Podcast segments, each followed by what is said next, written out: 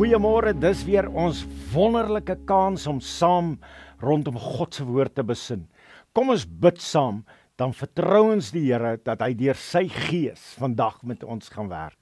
Here, wat 'n voorreg om vanmôre opnuut weer ons in u hand te kan kom gee. Here, dis 'n voorreg om te weet dat u ons liefhet en regtig vir ons alles ten goeie wil laat meewerk. Dankie Here dat ek saam met mense u kan loof en prys vir dit wat u vir ons doen in Jesus naam. Amen. Ek wil graag vandag met jou praat oor jou gedagtes. Ons het al voorheen hieroor gepraat. Wat in jou gedagtes aangaan. Wat op die oomblik in jou gedagtes heers.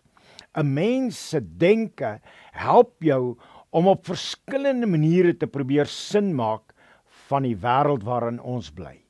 Jou gedagtes probeer op verskillende metodes vir jou probeer sin kry vir wat in jou lewe aan die gang is om op die mees sinvolste manier uh, te probeer interpreteer wat in jou lewe en rondom jou aan die gang is. Die Bybelboek Spreuke wil ons kom leer. Ek dink daarom is ek.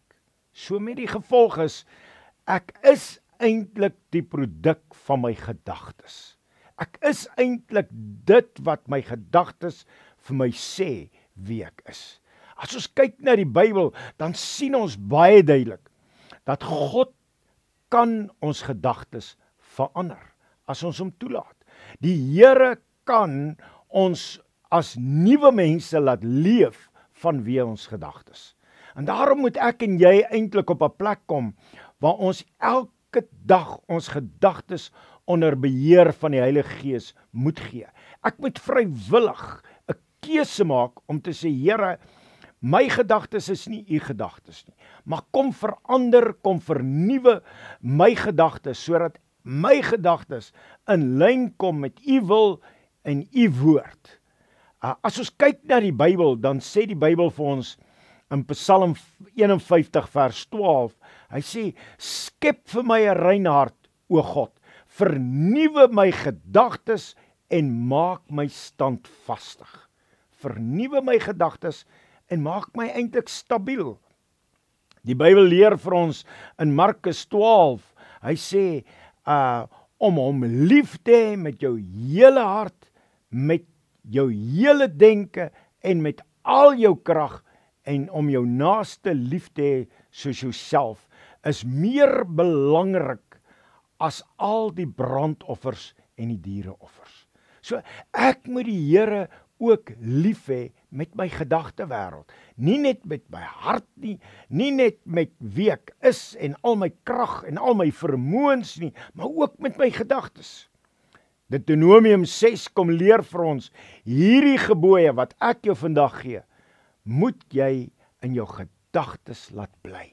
So my gedagtes moet gevoed word, versterk word met God se woord sy woord moet voortdurend in my gedagtes heers.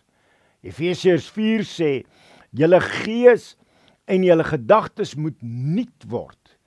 Lewe as nuwe mense wat as die beeld van God geskep is. Lewe volkome volgens die wil van God en wees heilig.